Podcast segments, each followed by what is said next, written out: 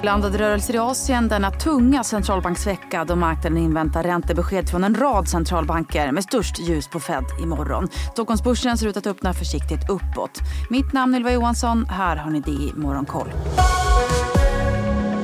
Tokyobörsen som höll helgstängt igår backar 1% samtidigt så stiger de japanska biltillverkarna Honda, Nissan, Mitsubishi och Mazda är alla upp mellan 3 och 4,5% vilket kan ha att göra med att under helgen rapporterats om att utländska biltillverkare kan bli vinnare på strejken i USA. Där hotar för övrigt United Auto Workers med att utöka strejken på fredag om inga seriösa framsteg gjorts innan dess. Samtidigt så inväntar ju marknaden den japanska centralbankens räntebesked på fredag och ledtrådar om hur man resonerar kring den ultralätta penningpolitiken. På tal om räntebesked så har vi fått protokollet från den australiska centralbankens senaste möte där man pekar på att det kan behövas ytterligare åtstramningar om inflationen visar sig vara mer ihållande än vad man tror. Det är annars blandade rörelser på börserna i Fastlandskina. Shanghai-börsen handlas i sidled och Shenzhen är ner 1% Även Hongkongbörsen handlas i sidled. Samtidigt så stiger krisande fastighetsutvecklaren Country Garden 1 efter att ha fått godkänt att förlänga ännu en obligationsbetalning. Även sektorkollegan Sunak är upp drygt 4% efter att ha fått ja för sin skuldsaneringsplan. Oljebolagen lyfter däremot mest på Hongkongbörsen samtidigt som oljepriset stiger till årshögsta nivåer. Brantoljan kostar nu 95 dollar fatet och den amerikanska VTI-oljan drygt 92 dollar fatet. De stigande energipriserna ger dock ytterligare bränsle till marknadens oro över inflationen samtidigt som vi väntar på veckans alla räntebesked besked. Störst fokus riktas såklart mot amerikanska centralbanken Feds räntebesked imorgon. Den senaste tidens sjunkande inflation tillsammans med en avkylning av arbetsmarknaden har gjort att förväntan på att Fed lämnar räntan oförändrad vid morgondagens möte är på hela 99 procent enligt CMI Fedwatch Tool.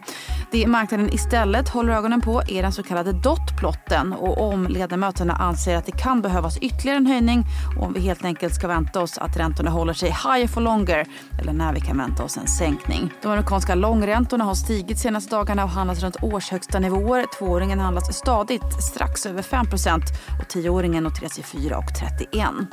Och finansminister Janet Yellens uttalande om att hon inte ser några tecken på att ekonomin riskerar en nedgång gav tillfälligt stöd åt USA-börserna igår innan de föll tillbaka och stängde runt nollstrecket. Fordonssektorn fortsatte samtidigt att backa. Ford och General Motors var ner 2% vardera.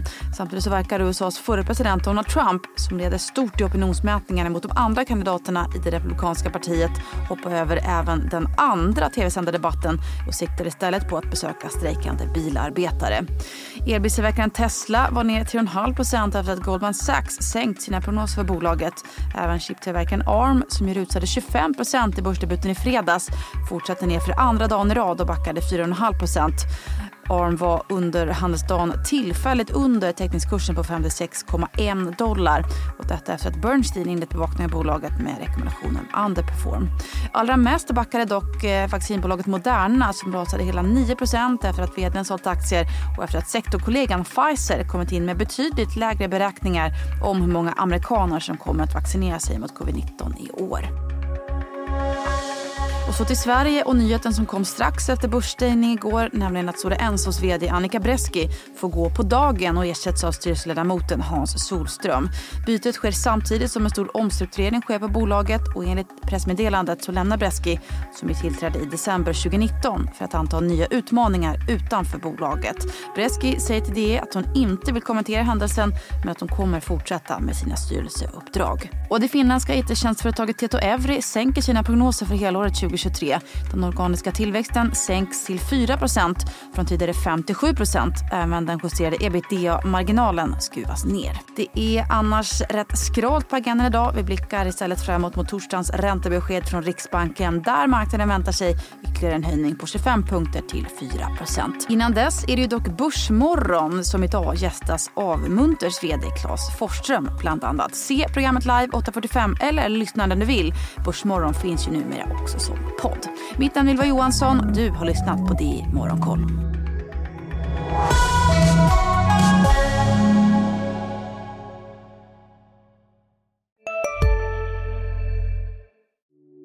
Hej, Ulf Kristersson här. På många sätt är det en mörk tid vi lever i. Men nu tar vi ett stort steg för att göra Sverige till en tryggare och säkrare plats. Sverige är nu medlem i Nato. En för alla, alla för en. Där det finns ett samhälle, där finns det brott. Krimrummet är podden som tar brottsligheten på allvar. Jag bjuder in landets ledande experter och tar upp aktuella rättegångsfall för att begripliggöra den kriminalitet som kryper allt närmare. Du, alltså, du kan knäcka ett eller några gäng, men det kommer komma nya och så kan vi knäcka dem sen. Men att du ska knäcka allt forever, det kommer aldrig ske. Det är infinite gain. Lyssna på Krimrummet, en podd från Expressen med mig Kim Malmgren.